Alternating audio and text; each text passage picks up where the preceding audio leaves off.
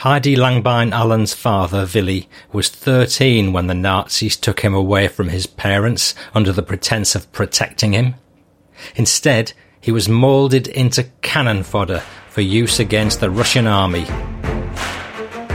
Fighting Through Podcast, episode 69. Willy Langbein, German boy soldier. Papa and I were walking to the train station. The dawn sky had a strange orange glow, and there were faint noises I couldn't recognise. We rounded the corner to a chaotic scene of firefighters dousing the smouldering ruins of a synagogue. One night, a kid from our group snuck into the SS depot and swiped some ham, but the SS caught him red handed. In each hole stood a man, or a boy like me, armed with anti tank rocket launchers, and I swallowed hard. As we watched from behind the wall, we saw an SS soldier grab a young kid and tie his hands with a rope, and it was obvious what was going to happen. Our lieutenant looked at us and said, All of you, come with me. Passages from the brand new, unpublished memoir, Save the Last Bullet. More great unpublished history and a bit of necessary advice to the listener. I'd like to warn you that this episode does contain some swearing, though no F words or C words. It also depicts some possibly unsettling scenes of violence which you may prefer to avoid. I called Dad on Sunday morning for our weekly chat he'd come to expect. It was evening for him at his retirement home in Spain. He picked up and I spoke to him in German.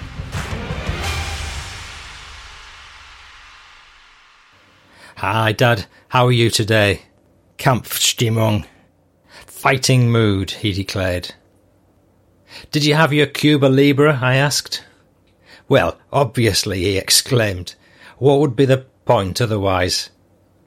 Dad, can I ask you some questions? Sure, fire away. I'd like to pick up where we left off last week. Tell me more about your first battle. Ah, yes, he paused, as if to collect his thoughts. Then, in a distant voice, he started telling his story. Man muss euch weiter erklären, dass wir in diesem äh, Schacht, den wir gegraben hatten, standen und äh, wir haben nicht etwa im Abstand von einem Meter zusammengesessen. standing behind us on that day. We stood in the holes we'd dug at distances of about 10 metres between each hole. In each of them there was a man, or a 14 year old boy like me. Each man had four Panzerfaust anti tank rocket launchers at his disposal. The transport truck for the Panzerfaust was a short distance behind us, so we could get more in case it became necessary, because it was a disposable weapon and could only be fired once. If you fired your four Panzerfaust and there were more tanks coming, You'd better run back to the truck to get replenished. We stood in our holes and waited in oppressive silence. Nobody spoke. Time was passing too slowly and too quickly all at the same time. I knew a battle was coming and that I might die but my brain was too jumbled to formulate the great thoughts that I imagined one should think in those moments. Every minute crawled by as I felt the beats of my vein pulsing in my neck. At the same time, somewhere in the back of my mind, a tiny voice was admonishing me. I was running out of time. To do what I was not sure, maybe to live but I couldn't focus on that because we had a job to do. Fear was something we could not afford. Then I felt it the deep rumble, the growl in the earth underneath my feet, pulsing its way up my bones. Soon the tanks appeared, their dark silhouettes materializing just over the horizon. I grabbed a Panzerfaust. The Russians had a famous tank, the T-34, the most versatile tank around. It could run over anything. Father Stalin had given his soldiers excellent weapons, we'd been told. Now I could see them firsthand. There were so many. The wall of tanks rolled inexorably closer, partly obscuring the sky. As they approached, I saw the Russian grenadiers marching behind the tanks with their bayonets on their guns, pointing straight ahead. The T 34s started getting within shooting range. I raised the Panzerfaust onto my right shoulder, adjusted it, and looked through the viewfinder to locate my target. The weapons instructor's words played back in my head. Let the tank advance to a distance of exactly 20 metres from you. No more, no less. You only get one shot at this. At 20 metres, your shell will penetrate the hull of the tank. Any further, and you'll miss. No time left to grab another weapon and aim it. Any closer, you won't have time to shoot any more. Even if you shoot, it will run over you. I glanced at the 20 metre landmark I'd previously located in the field in front of me, so I could estimate the tank's distance correctly. It was a whitish boulder. Close. They're close. I squared my stance, right eye on the viewfinder, left eye shut. I zeroed in on the tank directly in front of me. A drop of sweat stung my right eye. I blinked furiously. Shit! Home in again. God, it's big. The tank reached the white boulder. Steady. Now! I pulled the trigger. The shell blasted off. I held my breath.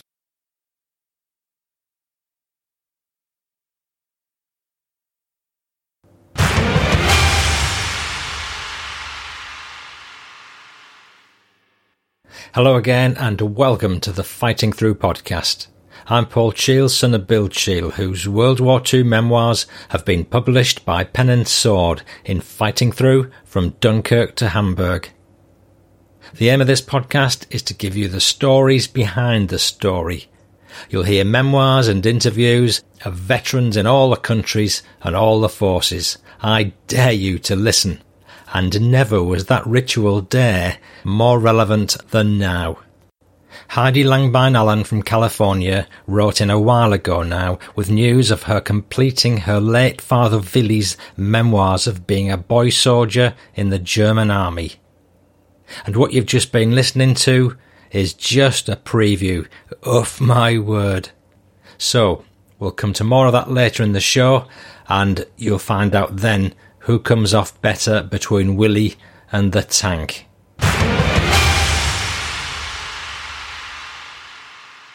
Before we get fully underway, the following people kindly left show reviews in various places. And this one's uh, from Darren Wingfield, enjoying in Perth, Australia. And another one, like a roaring fire on a winter's eve. I warmed to this podcast more. That's from Bud82 in the UK. Um, the episodes are very well put together, excellent stories, well worth listening to. And I've also purchased the book behind the podcasts by Bill Cheall, and that's by Heavega, United States. Good man, Heavega. And a few Patreon shout outs now. Many thanks to Mark Johnston from Townsville in North Queensland, Australia, who kindly sponsored me through both Patreon and also bought me some Calvados through Buy Me a Coffee. Cheers, Mark. And uh, Mark says, Hi, Paul. I work at an iron ore mine near Wiluna in Western Australia, and I'm a long distance road train operator travelling through the pretty amazing but at times long and tough land this beautiful country has to show. So thank you for making it more enjoyable while travelling in the middle of nowhere, or what we call whoop whoop. I had an uncle, Oswald Arthur Johnston, in the Australian Air Force, who became a warrant officer in World War II and was stationed in England for three years as a navigational officer. I would dearly love to learn more about his time in England. Well, I've pointed Mark to the fightingthroughpodcast.co.uk website where there's a research tab with several helpful links, including where to write to track down military service records. And Mark ends by saying, Thank you, Paul, for all the work you do to remind us of the brave men and women that fought so courageously to allow us the freedom we have now. And uh, there's a PS. I work on a roster. I do what we call FIFO, fly in, fly out, and I'm presently in Perth waiting for my connection flight. I'm going to become a member of your podcast and will be using and will be using my wife's banking details as I'm getting a new bank card when I get home. Oh dear, Mark, you're spilling the beans there. Never mind. While you're recovering in bed from your wife's pending beating, you'll soon be able to browse through the many private photos from my dad's collection, which I'll be sending all sponsors a link to. Thank you for your support. And uh, P.S. from me, Mark, why is it called Whoop Whoop? And hey, Mark, those 10 bottles of Calvados really went down very nicely. Thank you very much. Cheers to Hannah Gray from Seattle, USA, who's also generously bought me some glasses of Calvados. And Hannah said, I come from a long line of veterans. My great grandfather was even a POW in Germany during World War One. And uh, Hannah's sent me a family story and some absolutely amazing photographs. So I'm going to pick that up in a future episode. Thank you guys, all of you.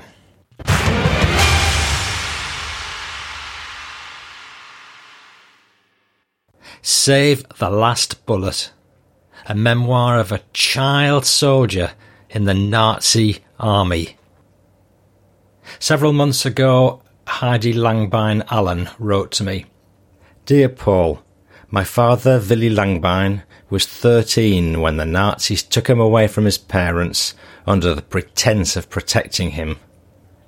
Instead, he was moulded into cannon fodder for use against the Russian army. He was sent to the Eastern Front in the last days of the war and was never expected to return alive.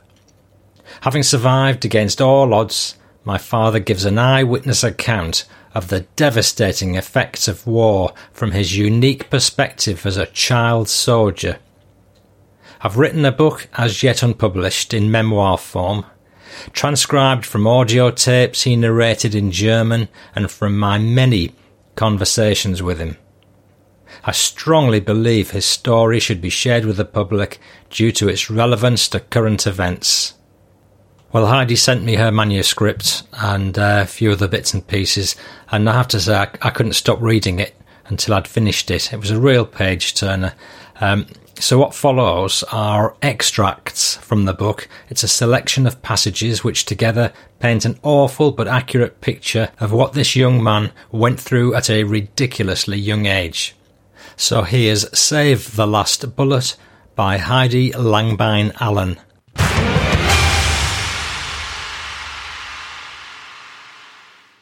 Author's note. After I had pestered my father for years to record his memories as a child soldier in the Nazi army, he finally agreed and narrated his story in German on cassette tapes, which he converted to audio CDs and sent to my sister and me in 2007. After I got them, I listened to them once and feeling I'd somehow accomplished my goal, sat on them for the next nine years. In 2016, the realization set in that my father was 86 years old, one of the last living soldiers of World War II. He lived in a nursing home and was not doing well. How much time did I have left to ask him questions?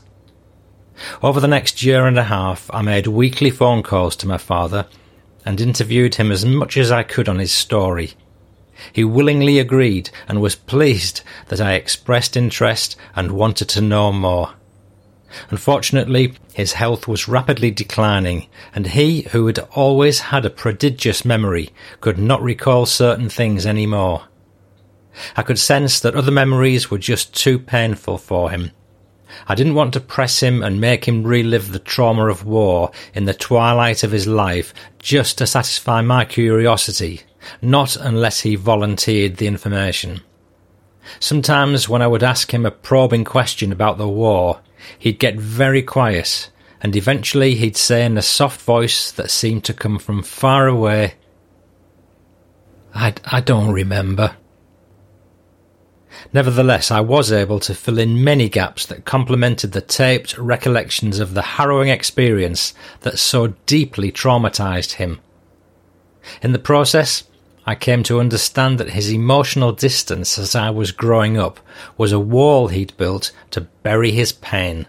He had had to contain the dam to move forward. I tell my father's story in his own words, without judgment or apology. His is the report of an eyewitness and unwitting participant in the horror of the Third Reich, seen from his perspective as a child.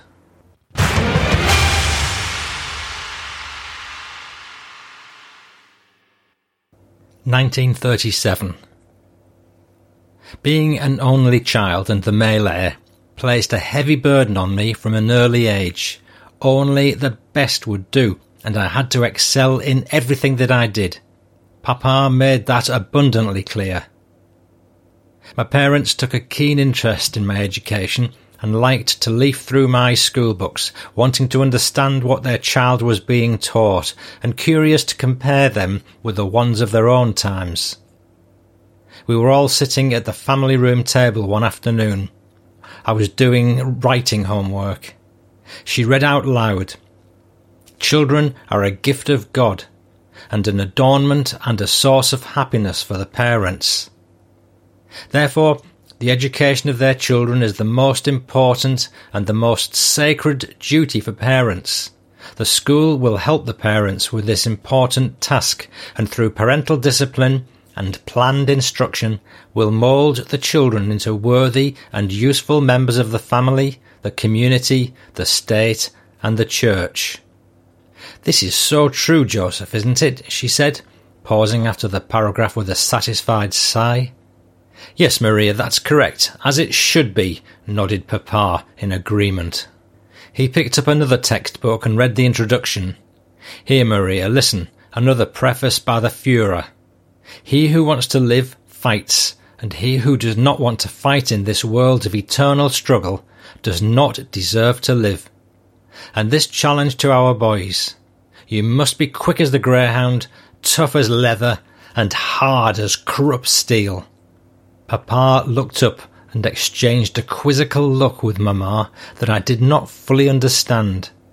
I couldn't tell how he felt about what he'd read, but it seemed to give both of my parents pause.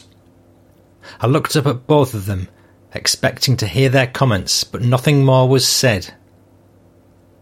They looked down and quietly continued to read the school books.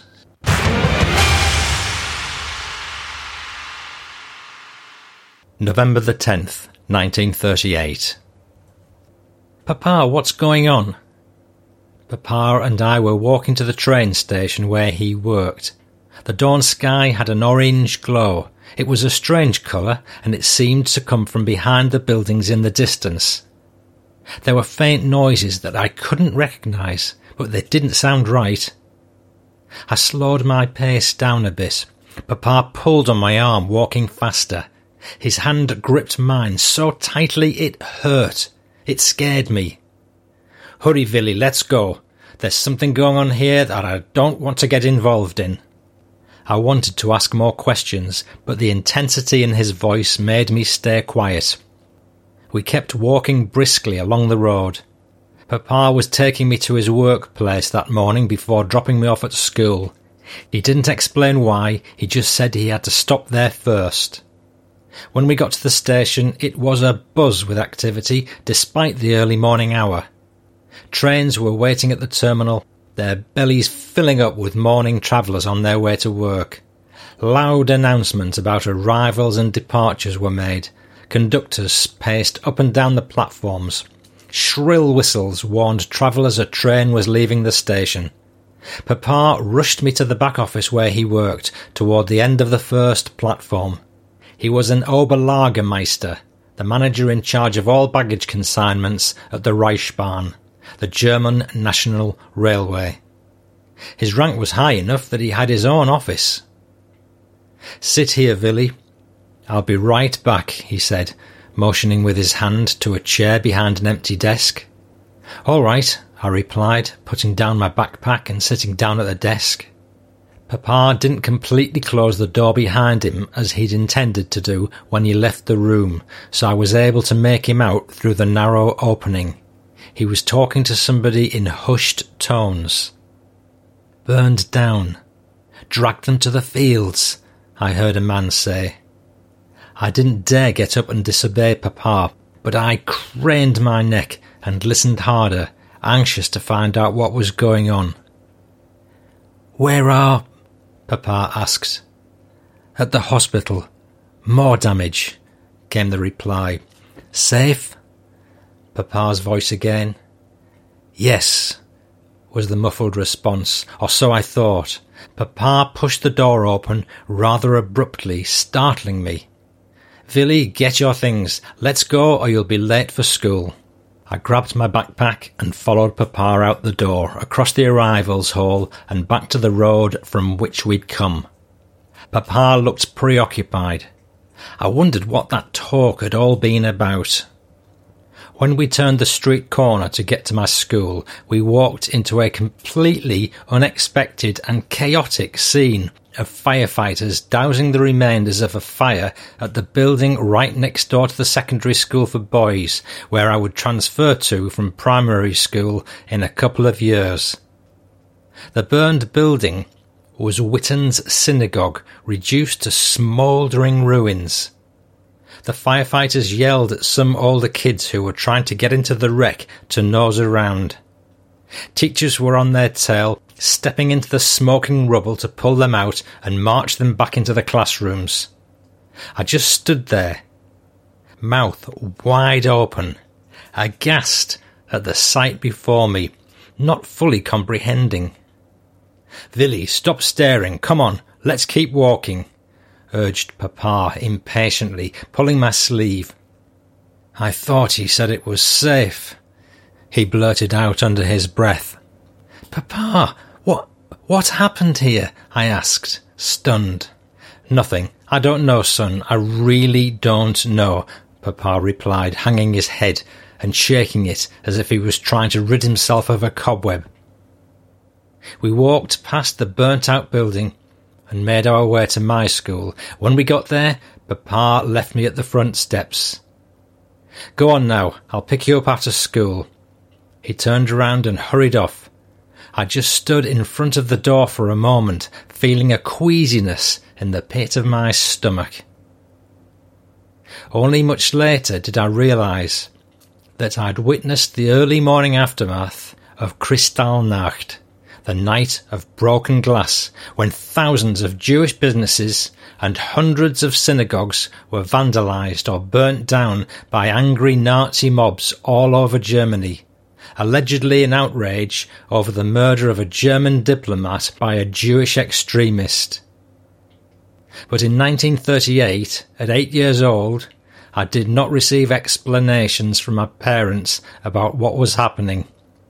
Catching only snippets of whispered conversations here and there, I began to notice that something was amiss.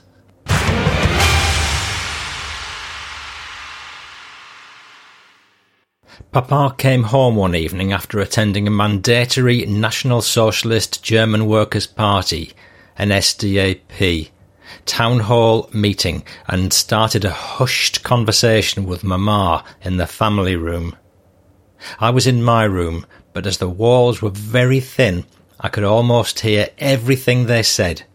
I was surprised by their whispers, which made me instantly curious. The group leader lamented that certain citizens continue to take their money to the Jew instead of supporting the honest German merchants. He said that the last word has not been spoken yet on this matter, I heard Papa say. That's nonsense, I heard Mamma hissing. Tell me where to buy my shoes? Who do they think they... Hush, Maria, you're going to invite trouble. My father's voice came through a little stronger. But Julie is my friend. The muffled voice of my mother trailed off. I walked into the room, and my parents acted as if they were busying themselves with something else that demanded their full attention.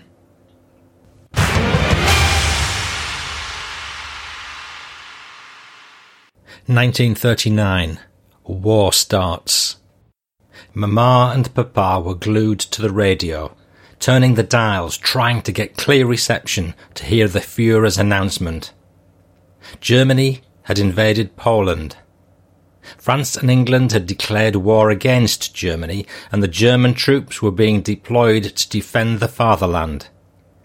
They sat in silence, taking in every bit of news. The radio was on constantly from that point on.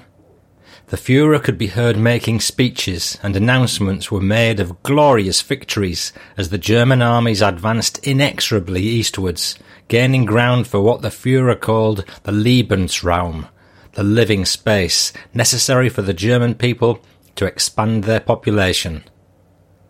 Mamma was worried about Papa getting drafted into the war, but fortunately he was not a good candidate.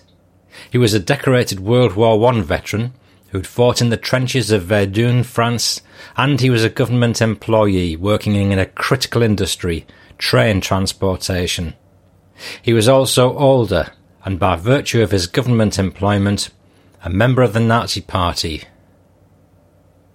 I couldn't help but feel that despite all the exalted war talk on the radio, which announced the inevitable victory of the German people, and despite his big talk with his friends at the dinner table, we're going to shoot a stick of dynamite up these English plutocrats' arses, I heard him say to an approving audience. But Pa was not really telling the truth about how he felt. There was something about the way he looked at me when he thought nobody was paying attention that made me uneasy. His mouth was set in a thin line, his jaw tight. He looked afraid.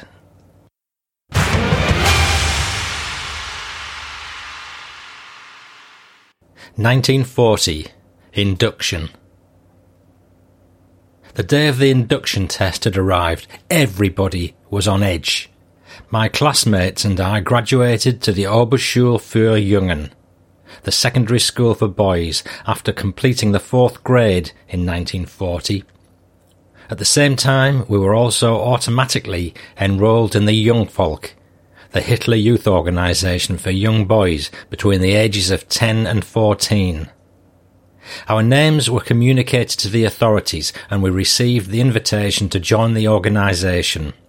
Membership was not optional, irrespective of the fact that every boy was automatically and mandatorily enrolled, and that nobody was left behind no matter what. Part of the enrolment process included an examination where we had to recite important Hitler life facts.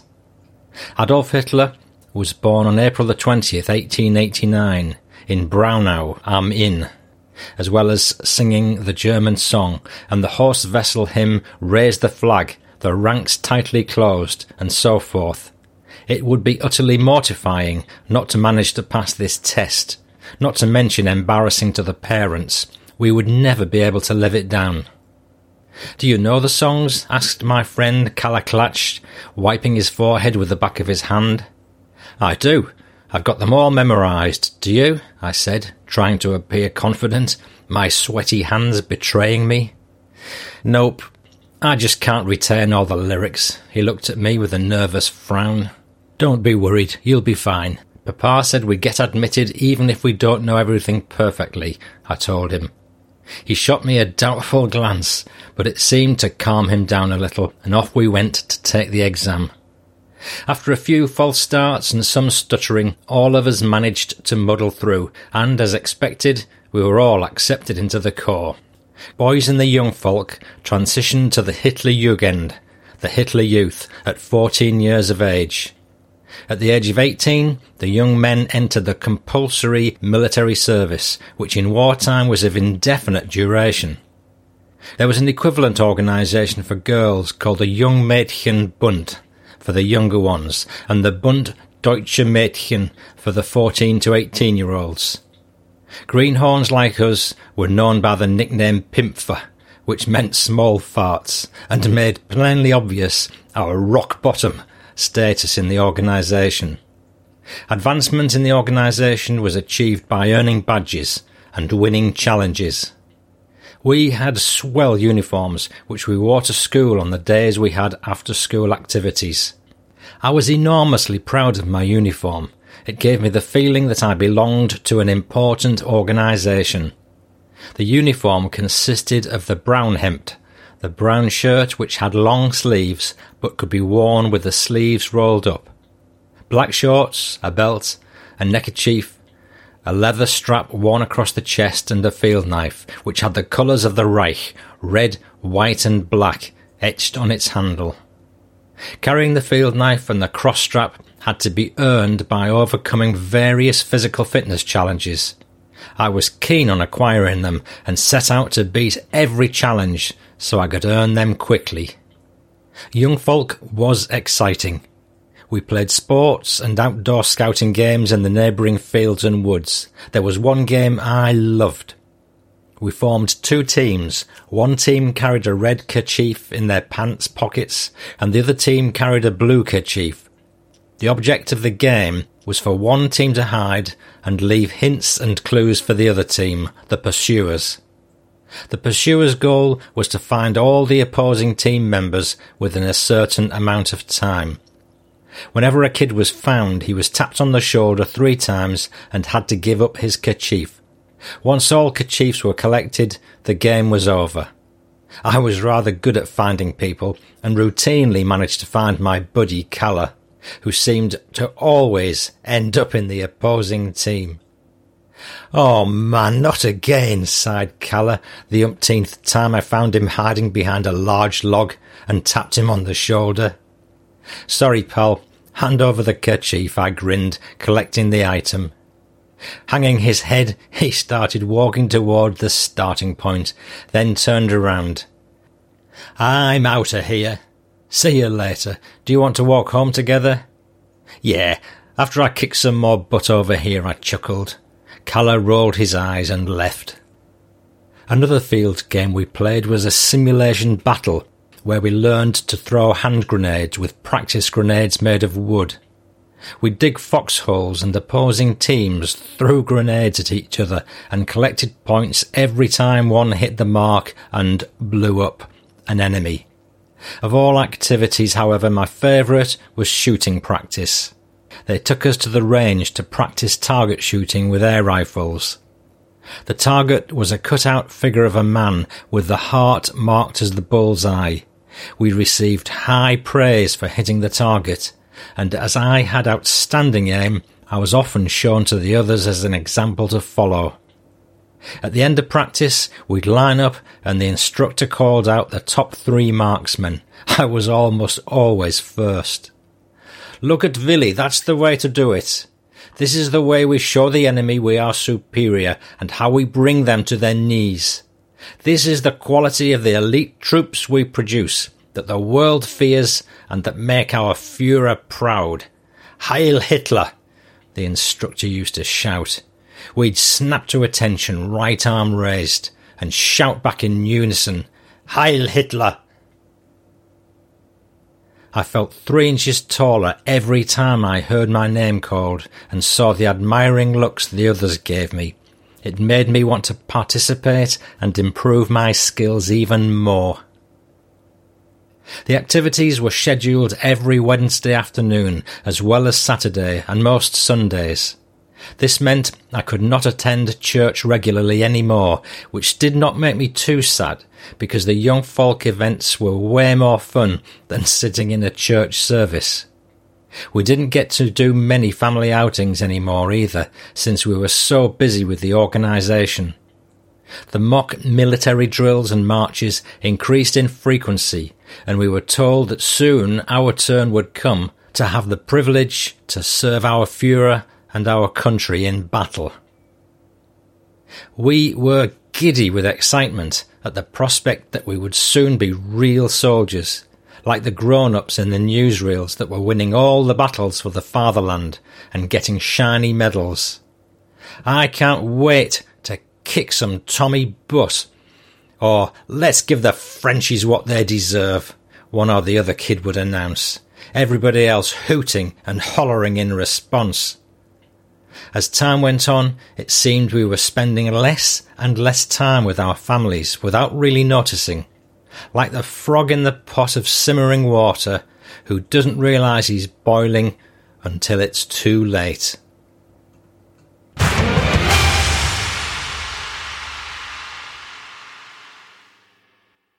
Nineteen forty one. I hadn't been to my friend Fritz Rosenbaum's in a while, but I hadn't worked up the nerve to ask my parents why. I was afraid to ask because I thought I'd figured out the answer. I couldn't go and see my friend because his dad was a Jew. Herr Fritz Rosenbaum was Jewish, and Frau Julia Rosenbaum was Christian. The synagogue burning down, a vandalism incident at the Jewish cemetery I'd heard about, my parents' hushed discussions, the fact that people didn't go to Jewish stores anymore, all pointed to it. Because these disturbing events lingered in my mind, I started noticing things, like the stars that Jewish people had started wearing on their sleeves. Papa, why do Jewish people have to wear that yellow star in their sleeve? I asked him one late afternoon while doing homework at the dining room table, trying to sound casual. I was attempting to make sense of it all, but more than anything else, I hoped to get a lead in into asking about my friend Fritz. Well, so people will know they're Jews, of course, he retorted, peering up from his newspaper and over his spectacles with narrowed eyes clearly annoyed at my asking such an obvious thing. But why do people have to know? I insisted. Boy, mind your homework and stop asking stupid questions, came the sharp reply from behind the paper. I held my tongue. I knew that pressing further would lead to a belting and nothing else. It just didn't make any sense to me. I thought of Herr Rosenbaum having to wear that thing and wondered how it made him feel. He was so nice and good natured. He always had a smile on his face and kind words to say to everybody. I couldn't understand why people needed to know that he was a Jew, like it was a bad thing.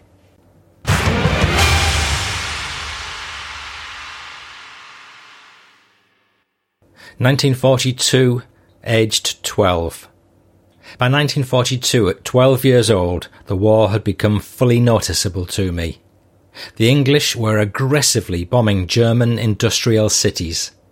Witten had not been the target of too many bombings yet, and at night the air raid sirens we heard were typically warning of bombings that happened in the neighbouring cities of Dortmund, Bochum, or Wuppertal. These cities were not far from Witten, and we could clearly see the air raids unfolding in the sky.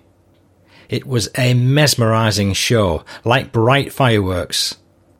First, we saw the sky light up with so-called Christmas lights, red and green flares set off to spot enemy planes.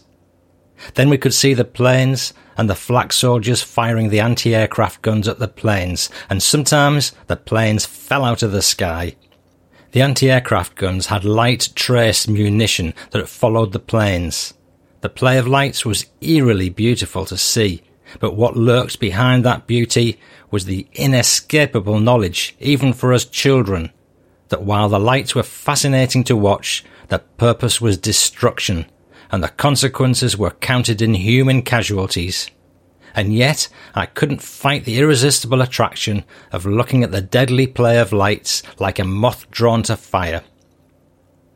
On a nice summer Sunday right after church, we were in our backyard which had a small garden area where there was a metal bar from which Mamma hung her rugs to beat the dust out of them with a solid wicker paddle expressly made for this purpose. I was helping her beat the rug with a paddle when the air raid siren went off. Hurry, Willy, run! Mamma shouted, wide-eyed. We scrambled down a flight of stairs to the coal cellar together with the rest of the neighbours of the apartment building who were piling in to take cover. The small, dark cellar had been outfitted with a couple of makeshift planks resting on cinder blocks to serve as benches.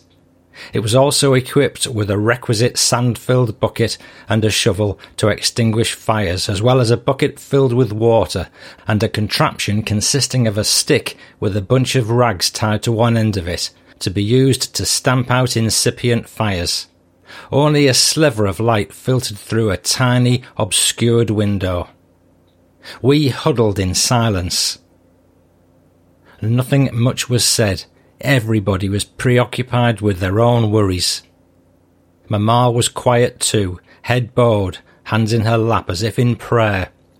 I sat close to Mamma, very straight, lips pressed tight, hoping nobody could hear my heart beating like crazy in my chest, betraying my fear. I was embarrassed of feeling afraid. I was supposed to be tough and strong, the future of the Reich, as we were told by our young folk leaders. It would not do to be scared. Besides, I was supposed to protect Mamma. What would she think if she knew? This time it only took ten minutes until we heard the all clear signal. We were grateful for that as it could take so much longer. We quietly got out and resumed our interrupted chores as if nothing had happened. Air raids had become part of our everyday life.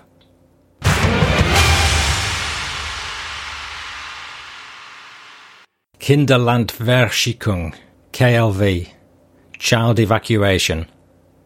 To protect against the threat of ever increasing air raids and because of serious replenishment issues in cities, about 2 million children were evacuated to rural areas of Germany until the end of World War II. The 10 to 14 year olds were taken with their classrooms and placed in about 9,000 different outposts in the country the National Socialist propaganda machine invested a great deal of effort to portray the Kinderlandverschickung program, the KLV, as health motivated vacation trips for city children. This emergency situation gave the NS an opportunity to further pursue their ideological indoctrination strategy the children would be protected from the war and would simultaneously be exposed to political and ideological indoctrination, as well as to paramilitary drills while removed from the influence of their parents and the church, away in surrogate homes, pensions, and youth hostels. The programme was touted as voluntary.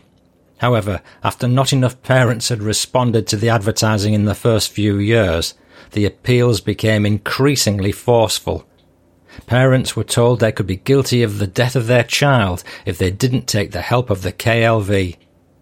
In some jurisdictions, like the Rhine-Ruhr region, parents were required to sign statements declaring that they'd been repeatedly been made aware of the dangers to which they exposed their children by leaving them behind in air raid emergency areas, and nevertheless refused to accept the assistance offered by the party and the state. Therefore, expressly taking full responsibility for the loss of their children's health or life as a result of future enemy air raids. By 1943, entire classrooms were ordered to evacuate the regions identified as air war zones, and school instruction was suspended in those areas. Any children staying behind would no longer receive schooling, placing parents in violation of the education laws, in effect forcing them to send their children to the KLV and ending all pretense of voluntary adherence. The bombing had become so heavy by 1943 that it became obvious that normal school instruction was not going to be possible any more. Witten had almost miraculously escaped the worst so far, but neighbouring cities had been devastated.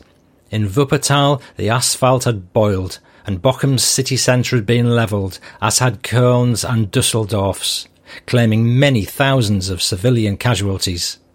It was inevitable that the Wittener children would have to be evacuated soon under the auspices of the KLV, the Children's Relocation Programme. My parents were suspicious of this programme that was going to take their child away, even though it was meant to protect me. Despite the government's assurances that the kids would be perfectly safe, they were deeply uneasy and worried about what would happen to me in a place where they couldn't reach me. Eventually, we got the word. The children of Witten were to depart between July the 14th and 21st, 1943.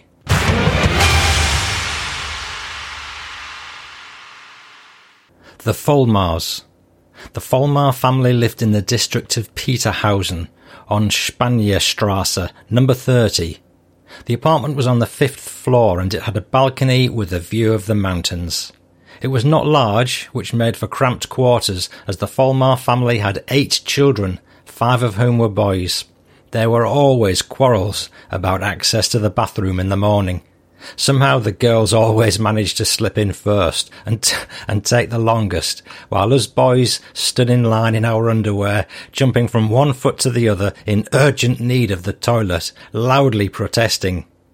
Come on already, what are you doing in there?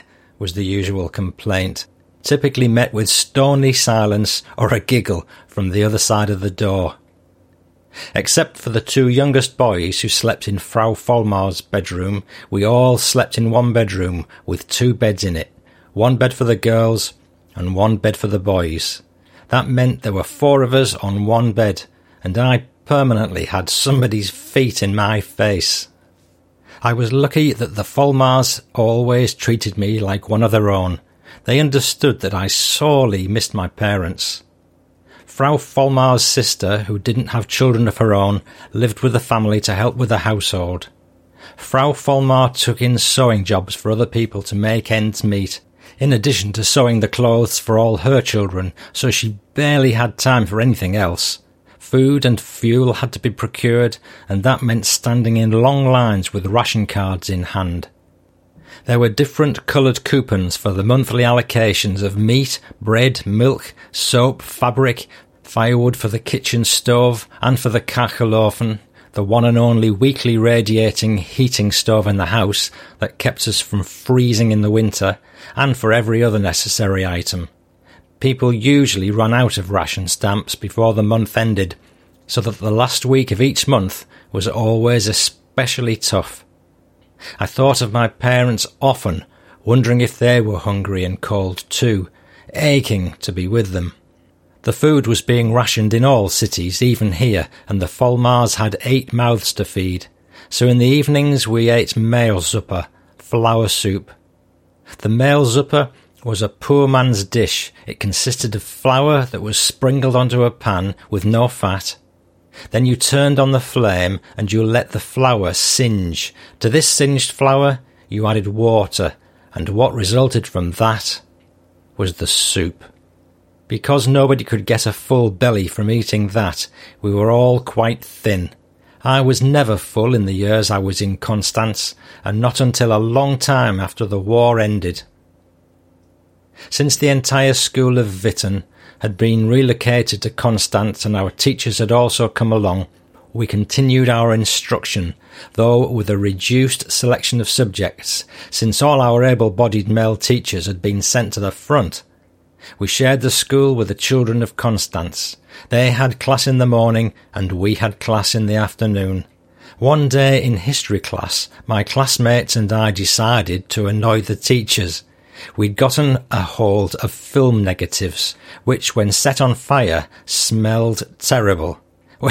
We called them stink bombs we decided to release them in Dr. Sternkopf's history class, but it turned out that Dr. Sternkopf had been a soldier in World War One, and he'd been verschüttet, buried in debris, as a consequence of which he'd lost all sense of smell. The stench of the stink bombs had, n- had no effect whatsoever on Dr. Sternkopf, whom we also called Dr. Ecker, Dr. Corner, on account of his being sharp like a corner. He couldn't smell the negatives we'd set on fire, but we could, and our eyes were watering from the stench. So we politely asked him, Herr Doctor, can we open the windows? As it was very cold outside, he said, Children, be careful. Many people have frozen to death, but, but nobody has ever been stunk to death. then we knew what was up. He'd figured it out.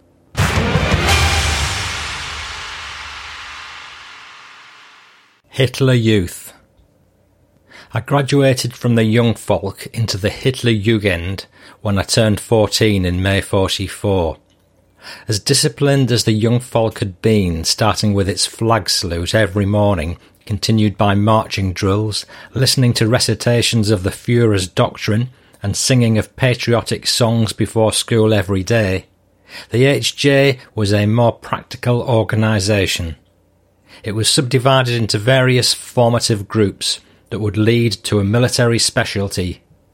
For instance, there was a group for future pilots, the Segelflieger, which was called the Flieger HJ, and other groups for infantry and naval disciplines. I was placed in a group that was under the purview of the NSKK, the National Socialistische Kraftfahrerkorps, the National Socialist Motorized Unit. We were to learn to ride motorcycles. We were supposed to receive both theoretical and practical instruction. Unfortunately, there were no motorcycles to be ridden because the military had requisitioned them all, and our unit leader, who was a little lax in his conviction, used to say, Boys, do what you want, take off, and we'd run and goof off for a while.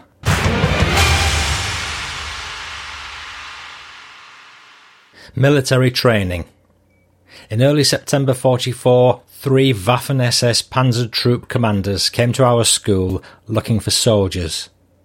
Boys, a great privilege is being bestowed on you today by the Fuhrer.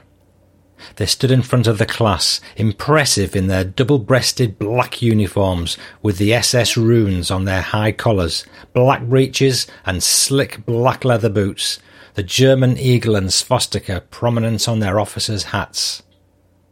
Today we're going to select a few of you to receive valuable military training so you can defend our fatherland against the Bolshevik threat, the evil enemies of the Reich who want to destroy us. We listened in awe. It was a great honour to have been chosen to defend our country, and it made us proud. My mind replayed the newsreels that reported about the evil Allied forces that wanted to finish us, first by bombing all our cities to kill all our civilians, then by torturing and starving the survivors, and the heroic efforts our soldiers were making to protect our mothers and fathers, brothers and sisters. The German troops were pushing the enemy back, and we were going to prevail. Our teachers and our schoolbooks told us that we were Germany's hope and its future, that we were superior, and we would win. The Fuhrer had issued the Volkssturm, the Home Guard decree, drafting all men between the ages of 16 and 60 because he was running out of bodies. They started by conscripting the old men who were no longer fit for war and those with minor disabilities who'd previously been rejected for duty. Anybody who could hold a gun was sent off to the front to fight the total war. The effort to engage every resource of Germany into the war effort above any other priority. We were next. Kids were being drafted to fill the voids left by the fallen, the heavy losses at the front too deep, this was a pattern repeating itself from World War One.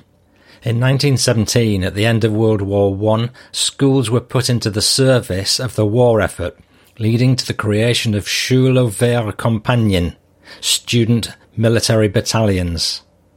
In World War One, kids from our very school had been given military training, were deployed to the steel factories to manufacture ammunition, and sent to the fields to help with the harvest.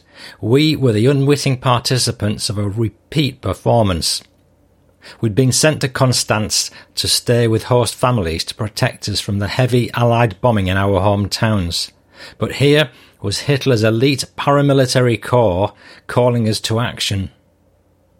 Two of the officers walked down the middle aisle between our desks in silence, scrutinizing us carefully, while the third one stayed in front.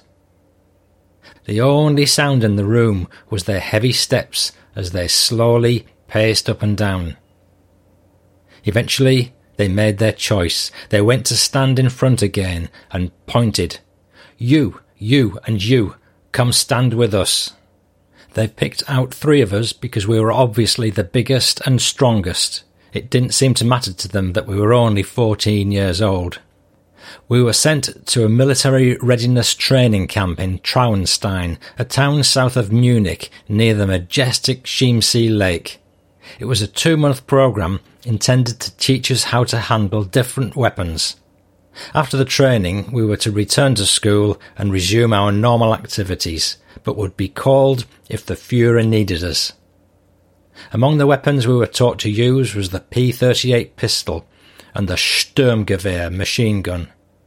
We were told that this was the first machine gun in the world that shot true at a thousand metres, a superior piece of equipment. The last thing they taught us to fire was the Panzerfaust, the bazooka, a weapon designed to explode enemy tanks. They explained to us that German weapons were more advanced and far superior to the armament of our enemies, especially the Bolsheviks who sometimes still used primitive horse-drawn carriages. We were told that not only was our weaponry superior, but also our intellect. The course lasted from early September to the end of October 44. We were quickly disabused of the notion that this was in any way a glamorous assignment, as we'd somehow imagined when we were picked up for the privilege. The barracks where we stayed were large two-storey buildings with mess halls and offices on the ground floor, and the dormitories upstairs. We got up at six o'clock in the morning, were given little to eat then and not much more the rest of the day. There were non-stop drills from sunup till sundown. At night, utterly exhausted and with growling stomachs, we crawled up the stairs by the skin of our teeth to the dorms, and the whole thing started back up at 6am the next day.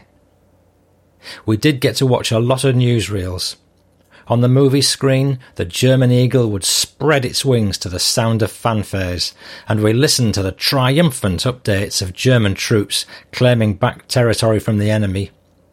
The German soldier was invincible, and our instructors told us we were to become national heroes.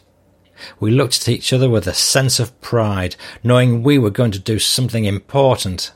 After all, what could be more important than defending your country? Only much later would I find out that at that point Germany was in retreat on every front, sustaining heavy losses in a war that had already been lost.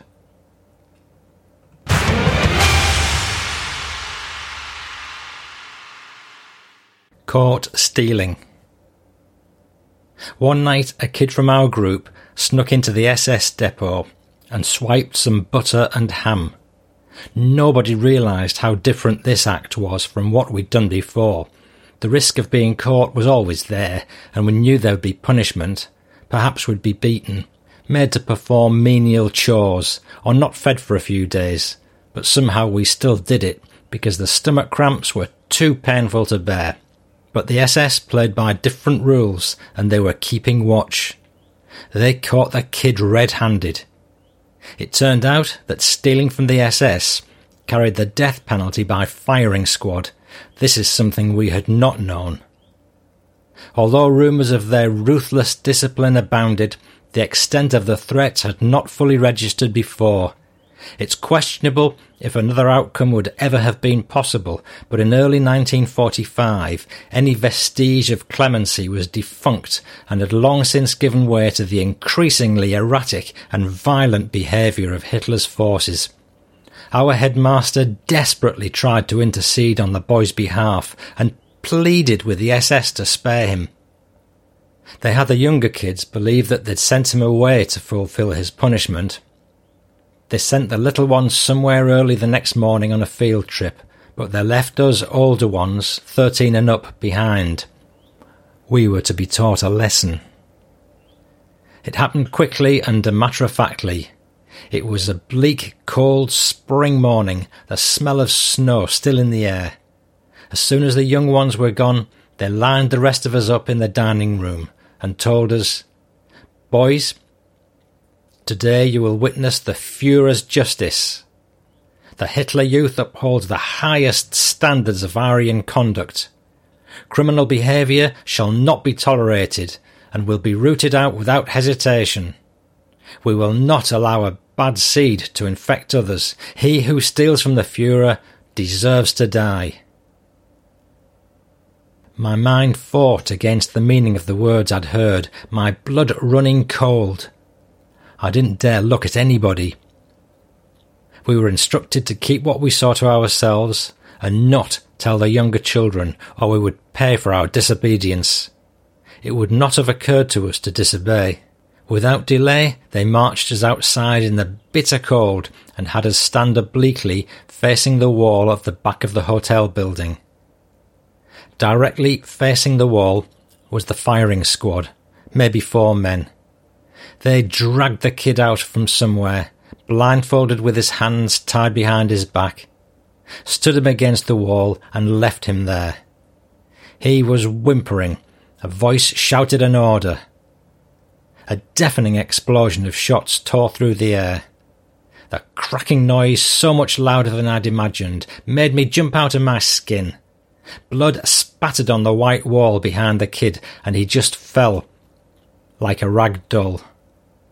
A wave of nausea engulfed me, but sheer terror prevented me from moving a single muscle. I was rooted to the ground. Somehow we were marched back to the inside of the building.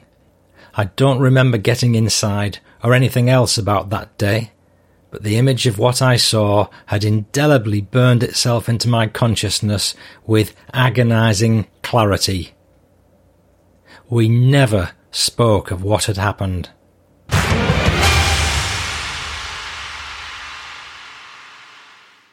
Shipping out. We were shipped out of Schleching to meet up with the German army on March the 18th, 1945.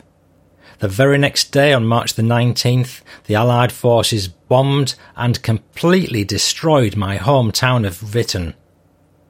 The illegal ham radios we had in Schleching informed my schoolmates of what had happened, but since my comrades and I had just left, I never found out about it until the day I finally returned home a long time later.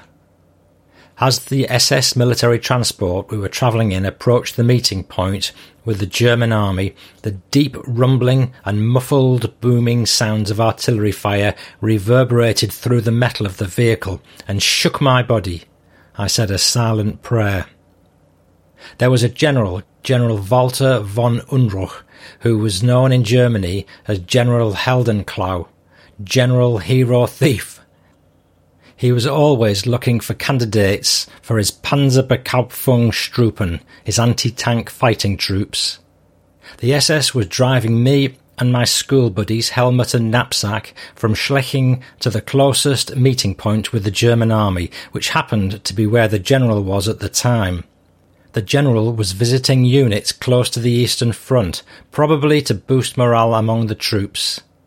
He'd apparently been informed of our arrival, and he took an interest in us. We were told by the SS during the drive that we'd be meeting the general, and had been rooted in place ever since, petrified at the thought of finding ourselves in the presence of the famous general. He drove up to us in his jeep of the equivalent the Germans had, and got out to inspect us. His chest was covered with gleaming medals on his impeccable grey uniform, the black visor of his officer hat polished to a fault. We stiffly stood at attention, not daring to blink or breathe as he approached. He'd distinguished himself so much in World War One that Hitler appointed him to be the recruiter in chief for all armed forces of the German Reich. An older man, he was not bent but had the stiff, proud bearing of a Prussian soldier. We were in awe of him, but he was friendly and talked to us, making us feel a little more at ease.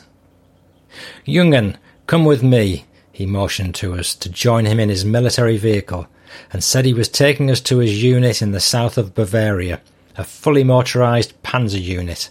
The three of us rushed into the back seat. You will experience the full might of the German armed forces. You get to be part of it, he said, turning to us with a smile. The whole thing felt like a movie to us. We were driving in a fast car with the famous general who was making conversation with us. I could hardly believe my luck. People would give anything to be in the presence of such a legend. Knapsack elbowed me in the ribs, grinning from ear to ear, fidgeting in his seat like a five year old. I elbowed him back, looking at him sternly in an attempt to make him stop so we could pretend to look composed. His open mouthed grin only got wider, and I knew it was a lost cause.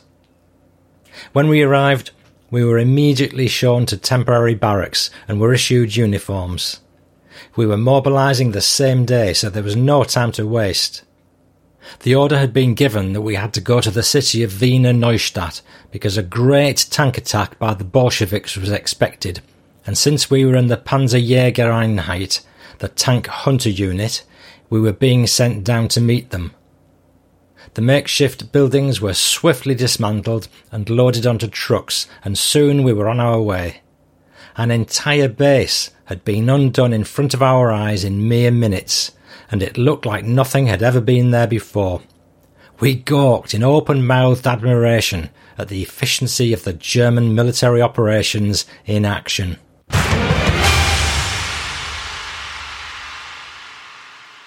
The Panzerfaust, the bazookas, were stored in a bucket in the truck bed.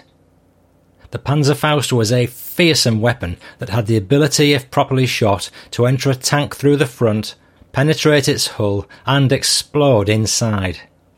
We'd been trained to use it at camp and had been advised of its deadliness. Remembering the training, I watched the weapons swaying in the bucket with a touch of apprehension, even though I knew they couldn't explode that way.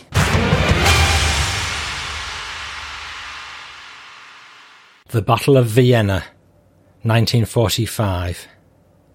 On March the 30th, 1945, Soviet troops crossed into Austria near Kozeg, Hungary, only 50 miles away from Vienna.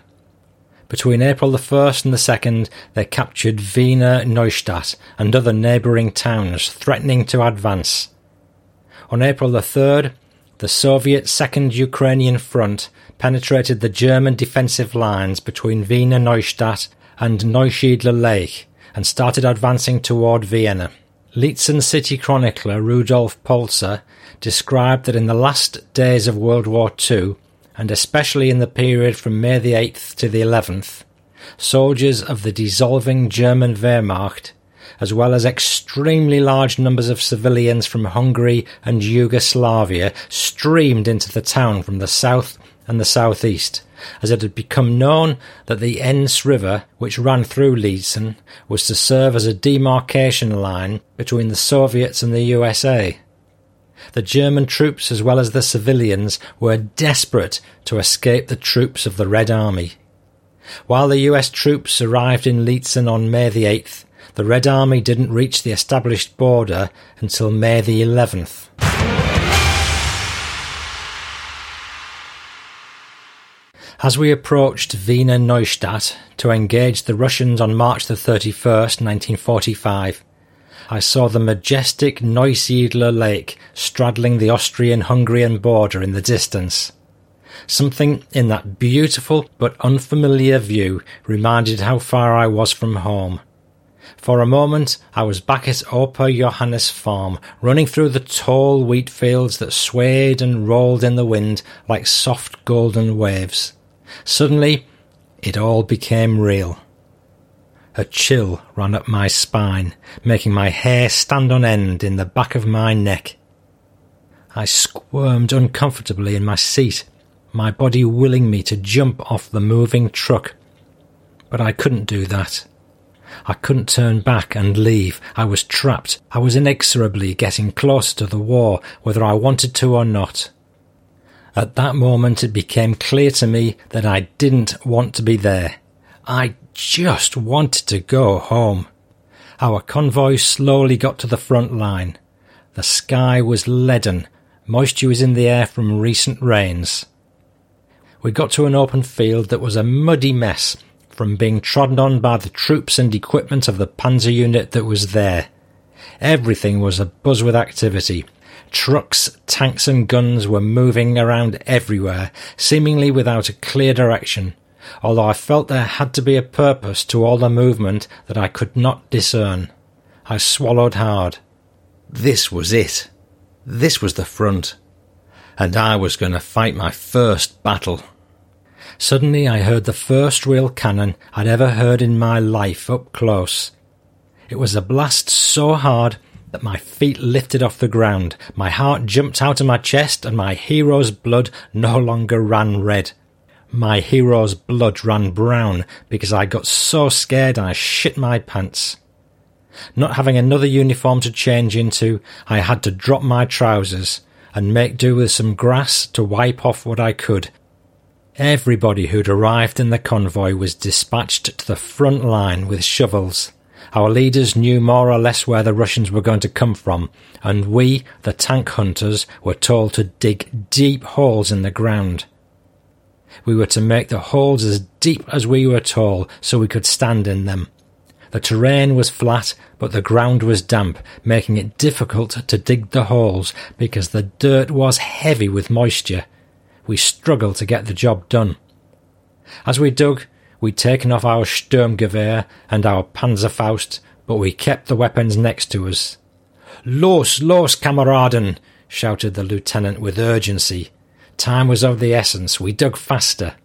Eventually, we were done, and we nodded at each other before we climbed down into our holes. We could just barely look over the hole with our heads. Behind us, we were told, was the Italian Bersaglieri Light Infantry Division. They were supposed to spring into action once the Russian tanks were hit, which is when the Russian foot soldiers, armed with bayonets on their rifles, would emerge from behind the tanks to fight the German Panzerjäger on the ground.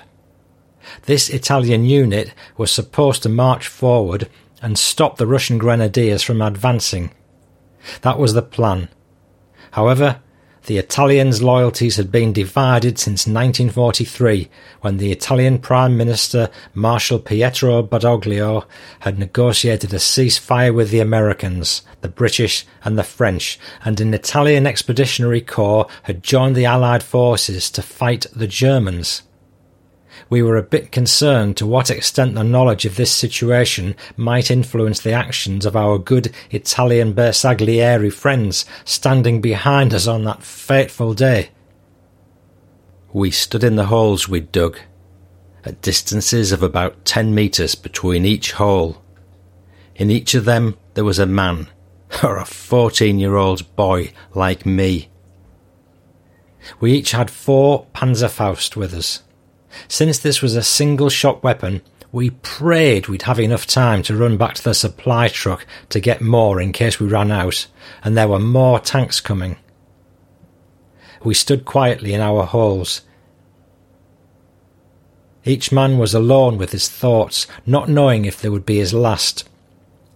The sound was amplified in the oppressive silence, and with my senses heightened, I could hear the rustle of leaves of nearby trees and the shuffle of feet of my neighbour. Time was running out. I felt the ground vibrate. A growl so deep it hurt my ears filled the air, increasing in intensity. Then the dark wall of tanks appeared over the horizon, advancing fast. There were too many to count.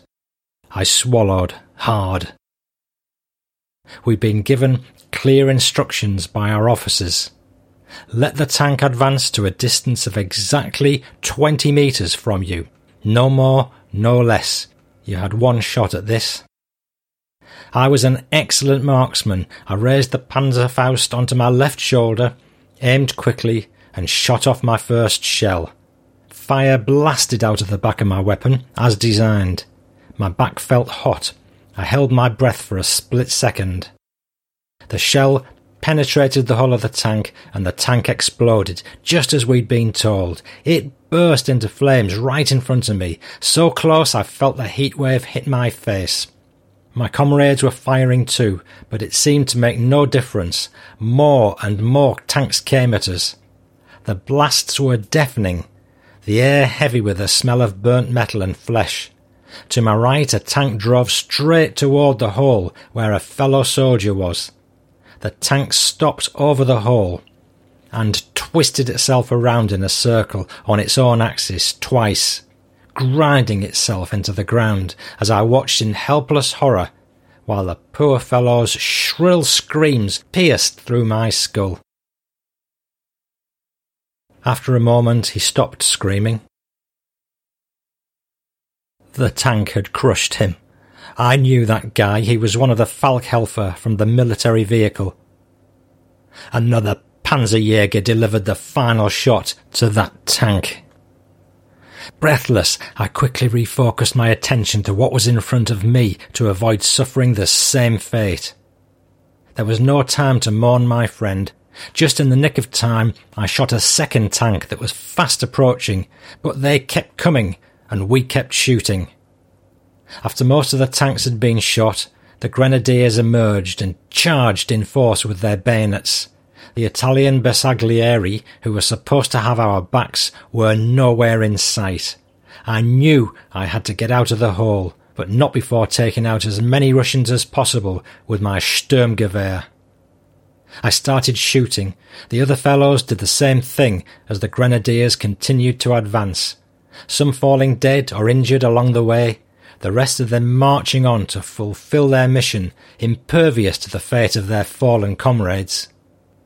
I could no longer keep the Russians at bay, as I had no more ammunition in the Sturmgewehr. I only had my pistol left. The SS had taught us, comrades, take care when you're at the front, and save the last bullet for yourselves. To fall into Russian hands and become a prisoner of war is a fate worse than death, because they torture people. The Russians came closer. I scrambled out of the hole and shot at the grenadiers with my pistol but I ran out of ammunition and was left with one last bullet. I had a moment of indecision. Now what? Suddenly there was a Russian in front of me. He pointed his bayonet and thrust it toward my belly. I quickly grabbed my Sturmgewehr, which was slung over my shoulder, and shoved it at his bayonet, blocking it, so that his thrust got diverted from my belly to my right knee. The blade of the weapon slicing my leg open, from knee to ankle. Blood gushed out of my wound. I looked up, and for a brief instant I hesitated. The Russian grenadier was a young kid just like me. He had straw blonde hair like so many Russians, clear blue eyes, and the high cheekbones typical of the Slavic race. We made eye contact. I saw no malice in him, just a guy doing what he was told. He recovered his wits and struggled to dislodge his weapon from my leg. I shot my last bullet into his head. Dazed, sitting next to the dead Russian kid and bleeding profusely, I looked behind me, waiting for the Italian infantry to finally show up and attack the Russian grenadiers. I could hear distantly shouted orders over the infernal din of guns and screams around me ordering us to retreat and fall back. I kept looking behind me and didn't see a soul. Nobody was coming to the rescue. It was then I realised I'd better start running. Blood was pumping out of my knee in spurts, and I was getting weaker and weaker with every step I took. Two of my buddies saw me and ran over to help. Willy, we got you. Hold on. One grabbed my arm and slung it over his shoulders, half dragging me, half helping me run. While running, the other guy tore his shirt into shreds and applied a tourniquet to the leg, above and below the wound, and tried to stop the bleeding by stuffing fabric into the cut, everything at a mad, scrambling pace to get away from the front line. I was getting light-headed, but they kept pushing me on. Come on, Willy, you can do this. We're almost there. I groaned. I was so deadly tired, but somehow my legs kept moving. We ran and ran and ran until eventually we made it through a forest behind which was another German unit, an infantry unit with light cannon who were being sent forward to continue the battle. Hey, this guy's hurt, he needs help, shouted my comrades as we approached. A couple of medics showed up and carried me to a cot. I felt so grateful I could finally rest. They poured horse urine, rich in ammonia, known to have antiseptic properties, on my wound to disinfect it for lack of anything else on hand. There in the makeshift field hospital, my leg was precariously stitched up, leaving a very large ragged scar on my right leg. I fell into a dreamless sleep of exhaustion. The next day, I and the other guys with injuries who'd been patched back together were considered fit enough to be allowed to re-engage in combat. It didn't feel like such a privilege to me, but it was my duty. My country needed me. It was April the 1st. The Soviet Third Ukrainian Front had advanced to capture Wiener Neustadt. Even though at this point we were starting to retreat, my comrades and I were recommended to receive the Iron Cross Second Class for our bravery in the fields of battle. As I'd destroyed ten tanks, I received ten arm stripes on my uniform. There was a tank drawn on each of these stripes. I had eight tanks on my left sleeve and two on my right. I wistfully thought back to my target practice instructor at Young Folk when he said, This is the way we show the enemy we're superior and how we bring them to their knees. This is the quality of the elite troops we produce that the world fears and that make our Führer proud. Heil Hitler! Maybe we'd failed to defeat them, but I'd given it my all. Events were rapidly overtaking us. Vienna had been taken. We were to move swiftly due west to the Austrian town of Liezen in the Steiermark region of Austria.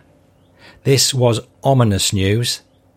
The Russians were at Germany's doorstep and we were pulling back. Could it be that we were losing the war?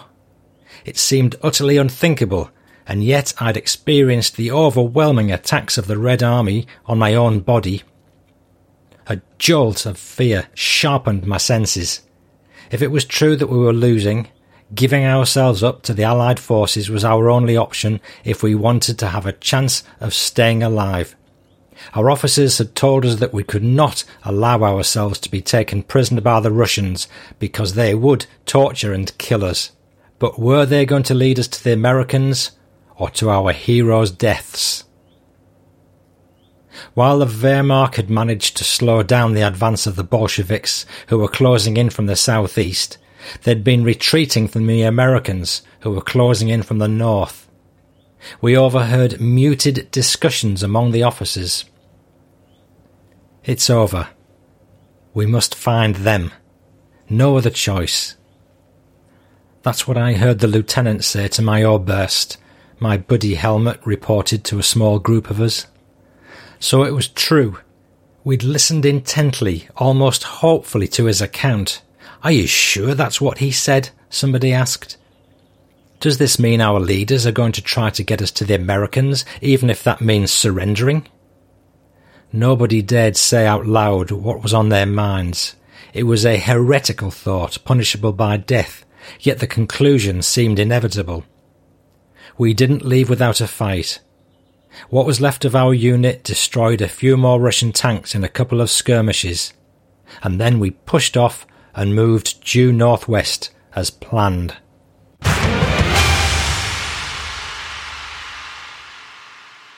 We were driving through the next town, the name of which I never knew because it had all started blurring together in my mind, steadily progressing towards Liezen. We'd stopped our convoy to try to obtain provisions from the civilians and saw droves of people so frightened of the advancing Red Army that they were trying to leave on foot or on bicycles with just the clothes on their back, heading west in search of safety. Many looked at us in dismay and sadness, conscious that we could no longer effectively defend them. Half of our small squad, around six men, was on foot with our lieutenant when we saw two Waffen SS men at some distance up the street. They'd stopped a soldier who was alone and seemed to be interrogating him. Since their backs were turned, they'd not seen us. Our lieutenant sharply ordered in a hushed voice, Quick, hide behind this building. We slipped out of sight into a narrow alleyway there was a low wall we could just clear with our heads. As we watched from behind the wall, we saw that the SS men grabbed the soldier, a young kid, and started shoving him. One of them held him, and the other one pulled his arms behind his back and tied his hands with a rope. Once he'd got done with tying his hands, he produced another rope, this one much longer. We could tell they were yelling at the kid, but we couldn't make out what they were saying, but it was obvious what was going to happen. Maybe these two had orders to round up all the deserters, and chances were that these were the ones who'd killed a soldier in a previous town.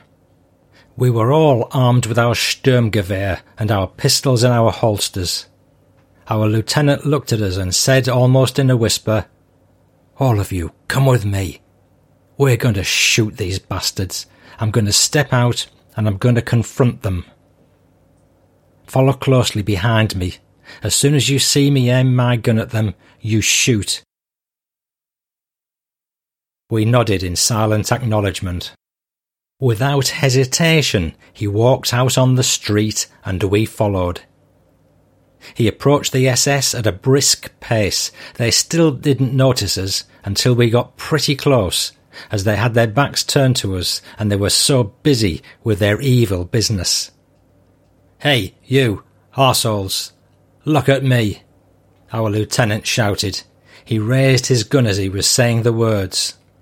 The SS men wheeled around, and as they were turning, the lieutenant aimed and shot the one closest to him. The other one didn't have a chance to raise his weapon before he got shot. We'd not hesitated. We took them completely by surprise. We killed a couple of SS. It was just too much to take. We'd seen atrocities beyond description, and we'd been forced to witness and be actors in a senseless violence, and at this point seeing the firepower that was battering our bedraggled forces relentlessly from the air, from the ground, we no longer harboured any hope for our country. We couldn't fathom our future. I couldn't even imagine one. The enemy seemed determined to raze Germany to the ground. Airstrikes were constant now. Several times a day we could see the American Thunderbolts and the British Spitfires flying low, en route to hit another German target. The only thing my buddies and I could think of is that our families may all be buried under the rubble, that we may have lost everything. And then to see our comrades in arms being murdered by our own forces in repayment for their service in defence of our country, when their only sin was to have accidentally survived the impossible, was an injury too unjust to bear.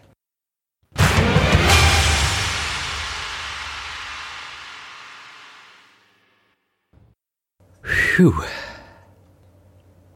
Willy more or less ends his war there, with him struggling to get back to the relative safety of the Americans and at least to escape the Russian advance. And there are more fighting stories of surrender, internment, and harsh treatment by the Americans. The long road home, bootlegging adventures, and dodging Allied bombs, and even a bust up with his teacher when he gets back to school. And did his parents and friends from hometown Witten escape the deadly Allied bombing? There's a tale of friendship with a British soldier, and we'll also hear about Willy's fascinating career after the war. I was hugely impressed with Heidi's book. Her dad's story's humbling, inspiring, and shocking, and definitely deserves a wider audience. I'd say Heidi's done a first class job with putting it all together, and it's been a very long time since I sat and read a book almost without stopping. Heidi's completed a manuscript, so um, if there are any publishers out there who might be interested in taking this book, do get in touch either via myself or through Heidi's Facebook. It's the first link in your listening app. The manuscript's in English, obviously, and uh, Heidi's currently translating it into German by popular request from many friends.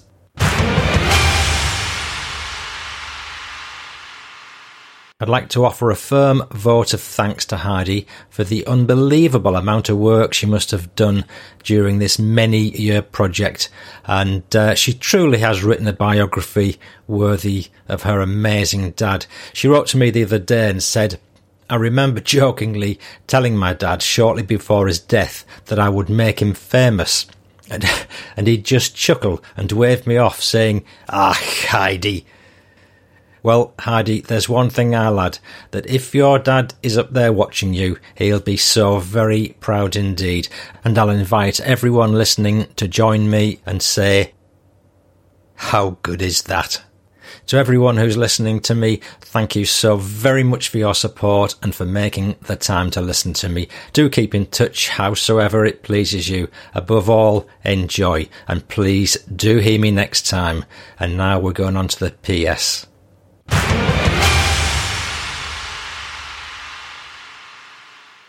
The PS is a chat I had with Heidi exploring a bit more about her work. So here's Heidi.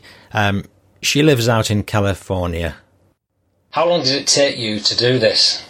Uh, this started off as a project to just collect family history. You know, it, so I Yeah. wanted to capture his memoirs because I always thought they were an important part of history, and, and it was, you know, you know, a story that needed to be told. But uh my intent really was to share it with my family, and so I wanted to translate the, the, his tapes. So first of all, I wanted him to, to record them, uh, which I finally managed to have him do, and then to translate them into English because my children, although I tried, uh, I did not manage to teach them German. They they are fluent in Spanish. Yeah. but That's not German.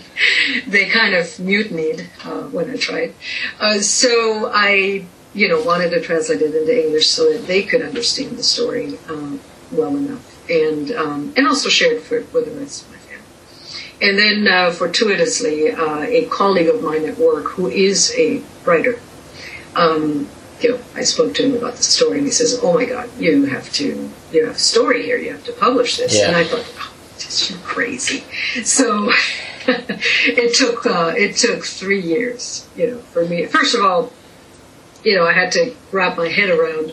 Oh, okay, maybe this is something that could be published, and, and accept that. Yeah. And then I had to learn how to write. Yeah. So I put myself through a memoir writing class, which you know took a year. Ah, so it was- and I had to tr- and I had to translate the entire transcript, Yeah. and then I had to actually write the book.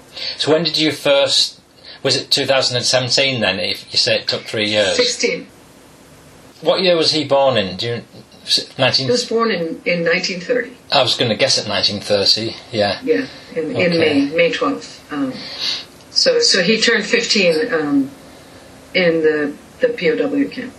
Okay. Yeah. So literally, when he was fight, firing that Panzer Faust and having hand-to-hand combat with an enemy, he was like was 14. 14. God. That's staggering, isn't it?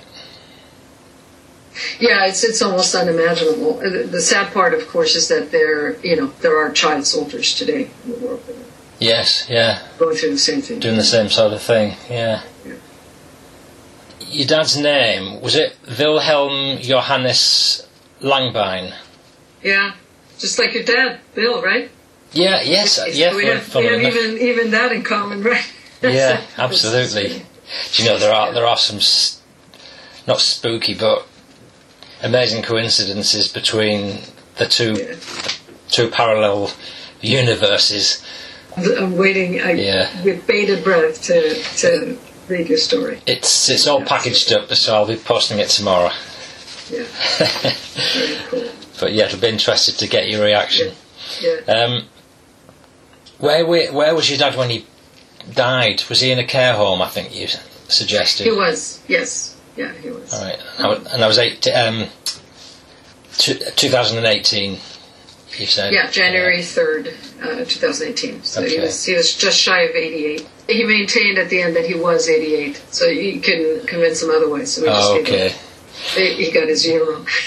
It's funny. My mum, my late mum now, uh, she always Yeah. used to sort of add a year on or take a year off or something. I can't remember what, but Yeah. anyway. Um, and presumably he was in America at this point. No, no, no, no. So uh, my father never went to the United States. Ah, Um, right. Yeah, so my story is, is completely uh, separate from that. You're separate. So no, he he dedicated you know his uh, you know his his life to to the furtherment of, of democracy uh, and he remained in Europe his entire life. Um, Yeah. But because he joined the Foreign Service, so he became he's a, he was a lawyer, so he became a lawyer, and then joined the uh, Foreign Service, and um, and then was deployed because my father spoke seven languages, and I Wow. speak five. Um, so he uh, he was deployed um, overseas, you know, partly because of his knowledge of foreign languages and also because of his background and, Yeah. and, and professional uh, knowledge. And so uh, we we moved very frequently. So he was stationed in um, in France and in Paris for, for many years um, with the uh, European Space Research Organization (ESRO). Um, and then um, and then we moved, you know, we moved back and forth to a few places, but then we um, um, settled in Paris for most of my, I'd say, formative years. Oh wow. Yeah, and then he returned to. So I I then finished high school and, and moved to Spain. It was just entirely too cold for me everywhere else, uh, and so I decided to go to college in Spain. And my parents moved back to Germany. My father was. Uh, was uh, the legal head of the German NATO branch Yeah. in Munich. So, um, in your most of your adult life, as it were, you've you've been in different countries. Is Yeah. that fair? Right. Okay. Yes, yeah, I lived in uh, Germany, Spain, France, and Italy. Yeah, and then I met an American soldier, so it's just, just that corny story that, you know, swept off your feet by the sailor, and, you know, that, that happened. Yeah. that actually happened. So, uh, yeah, that, that's a different book. okay. All right. Um, where? How old was your dad when he met your mum? Ah, good question. They met in 19. I want to say it was 57. They married in 59. I believe they, it was either 56 or 57. So he was he was late twenties then. late 20, Yeah. 27. Okay. And is, is your mum still alive? She is. Yeah. Did you ever get to spend much time talking to your dad about his memoir once he'd translated it, or once you'd I- I- translated I, it? I, kick myself to this day. You know, he, I find. I mean, I pestered him and badgered him for years. I was like, Dad, you really have to. You, have to record this. You have to get this down on paper or at least on audio. And then he finally relented and, and did it. And he, you know, he put together 16 tapes. There were cassette tapes. yeah. So and and and it was a huge leap for him to put that on CDs. Like that was like wow, you know. And that was probably Yeah. the you know the, the most advanced that I you know could get him to to do.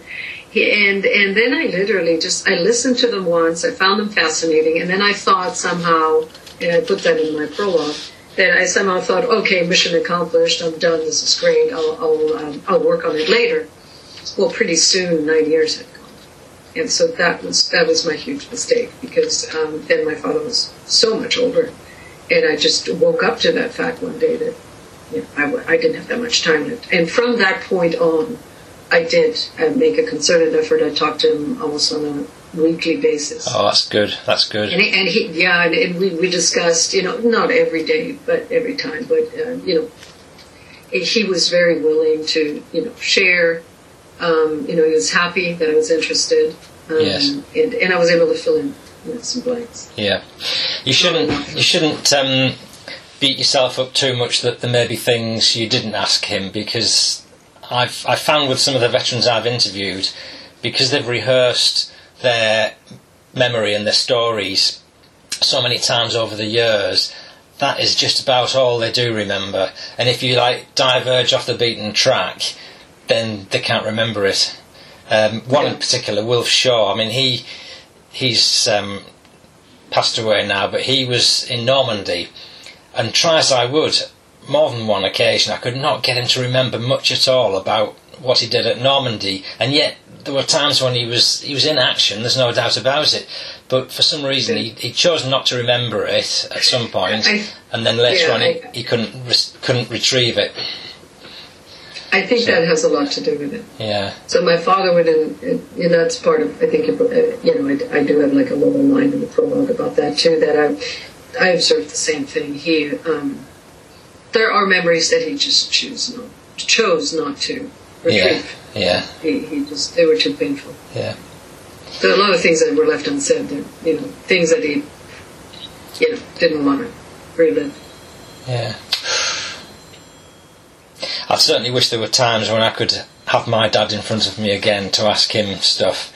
Um, but uh, you know, it comes back to saying, Yeah. realizing that he probably wouldn't remember. Yeah. So uh, Yeah, it's it's tough, and I didn't want to, Yeah. and just like you probably didn't want to necessarily, you know, bring up that pain again. Yeah. uh, either. So have to be respectful. Yeah. Okay. Um, yeah. Have, um, have you ever traced your dad's journey through the war? Go, you know, gone to places to see the places he was at. Um, I not enough. So Right. I I want to do more of that. Unfortunately, my job is very demanding, Yeah. um, and uh, so I have limited time.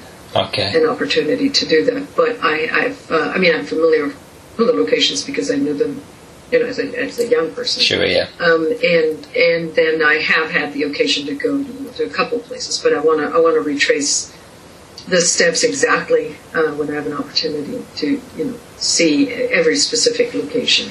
Yeah. Oh well, I hope you do. I hope you see some of them at least, because it's the ones I've seen with Dad. It's quite cathartic being able to visit them physically.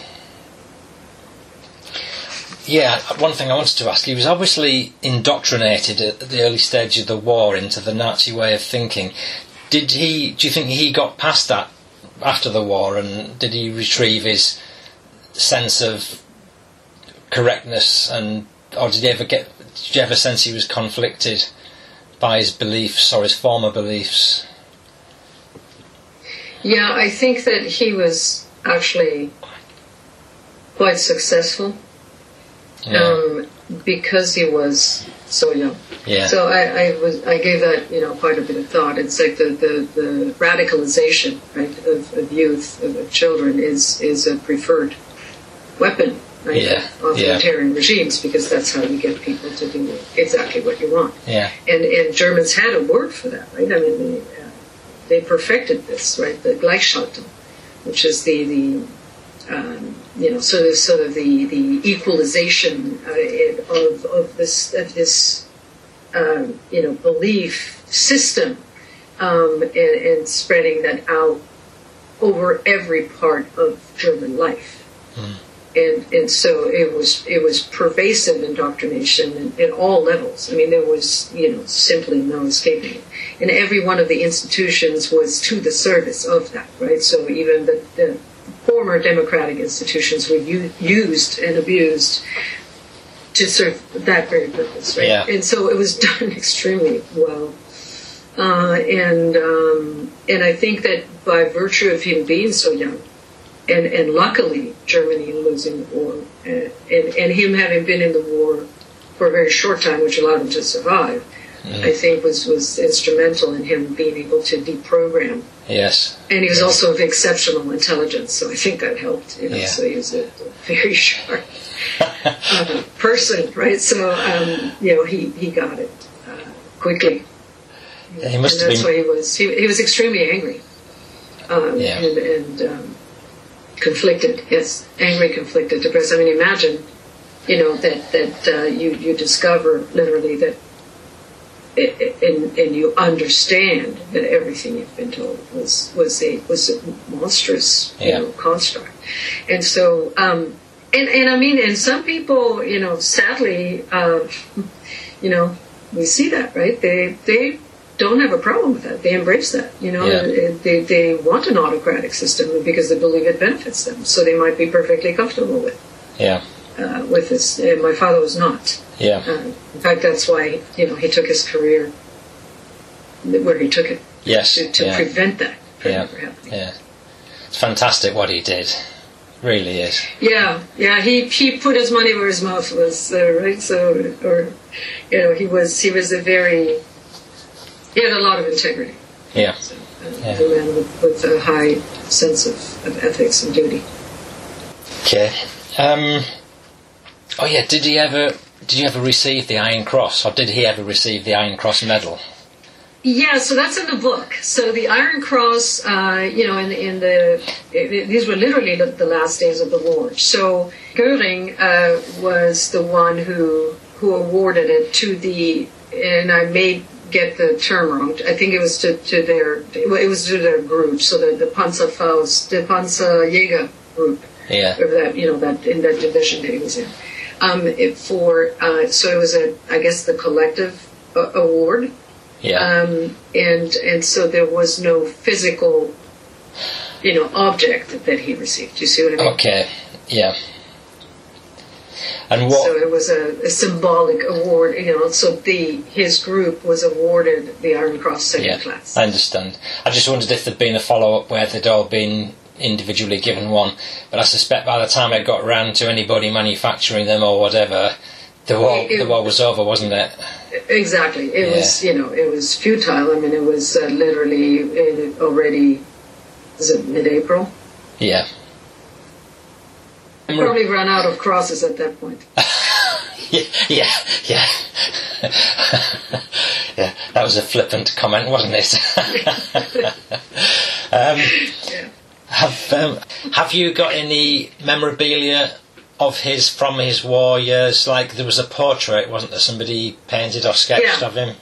Yeah, very, very few, uh, and and the few I have very precious. Of course, they're with my mother. I have pictures though. So he, the only thing really that he did that he did was able to, to save or have uh, with him was his uh, discharge paper. Yes. His discharge form, the, the Entlassungsschein. Um, that of course corroborates you know, his story. Sure, yeah. Um, and um, you know has his thumbprint on it, and you, yeah. know, uh, you know details about you know where he was and what you know division and you know who released him.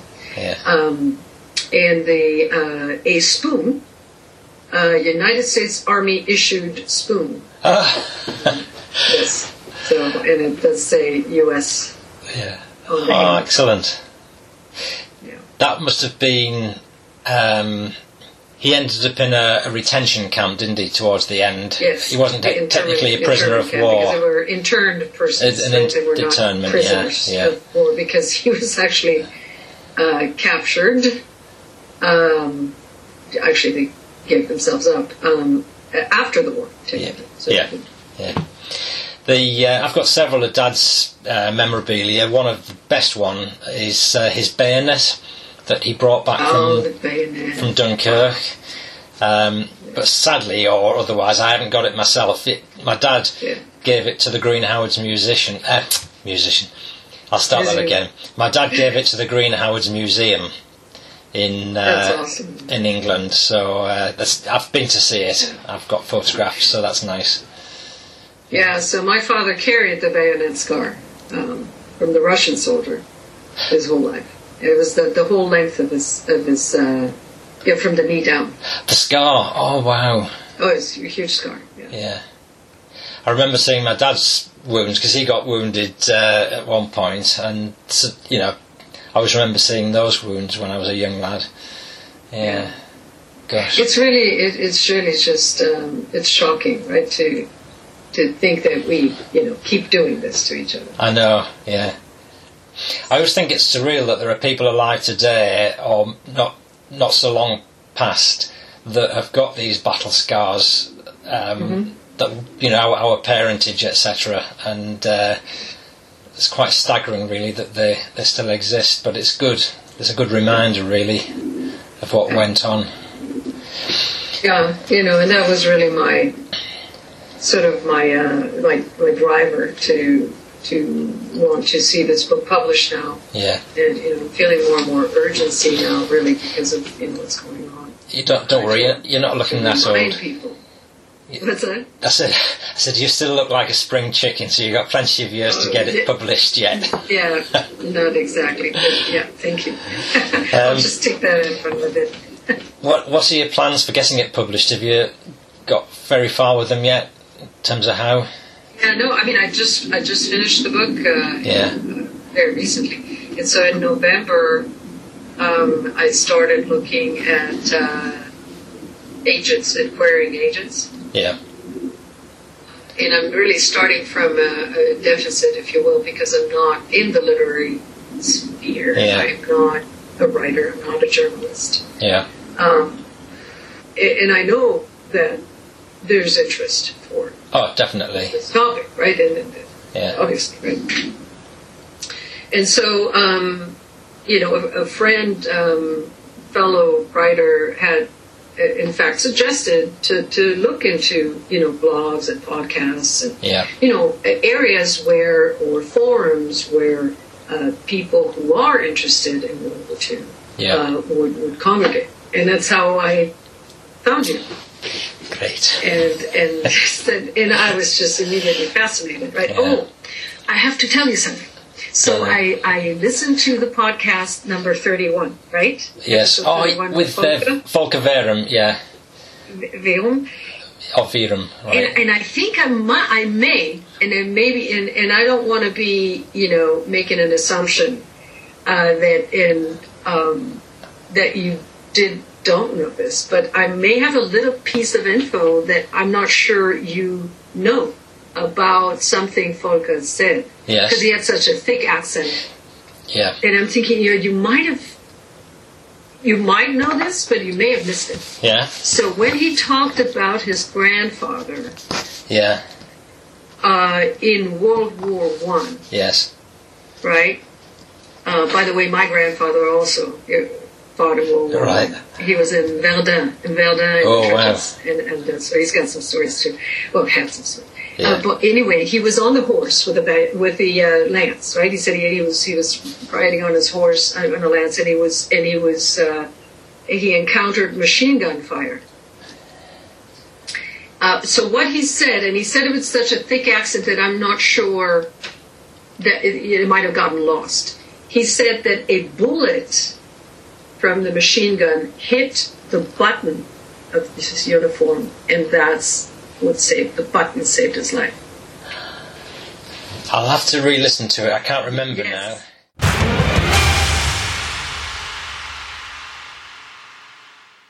And there we end that chat with Heidi. Plenty of hints as to other things which you'll read about in the full book if you ever get the chance.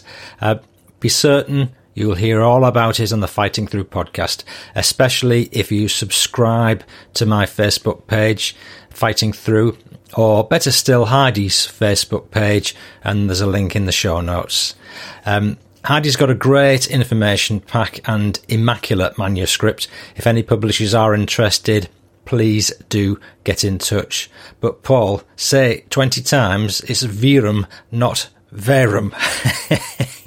so, if anyone wants to check back on the story of the button which Heidi referred to about Volker Verum's button incident. It's episode 31. And uh, interestingly, another child of war story that I stumbled across purely by chance on a summer holiday. Summer holidays. I remember those.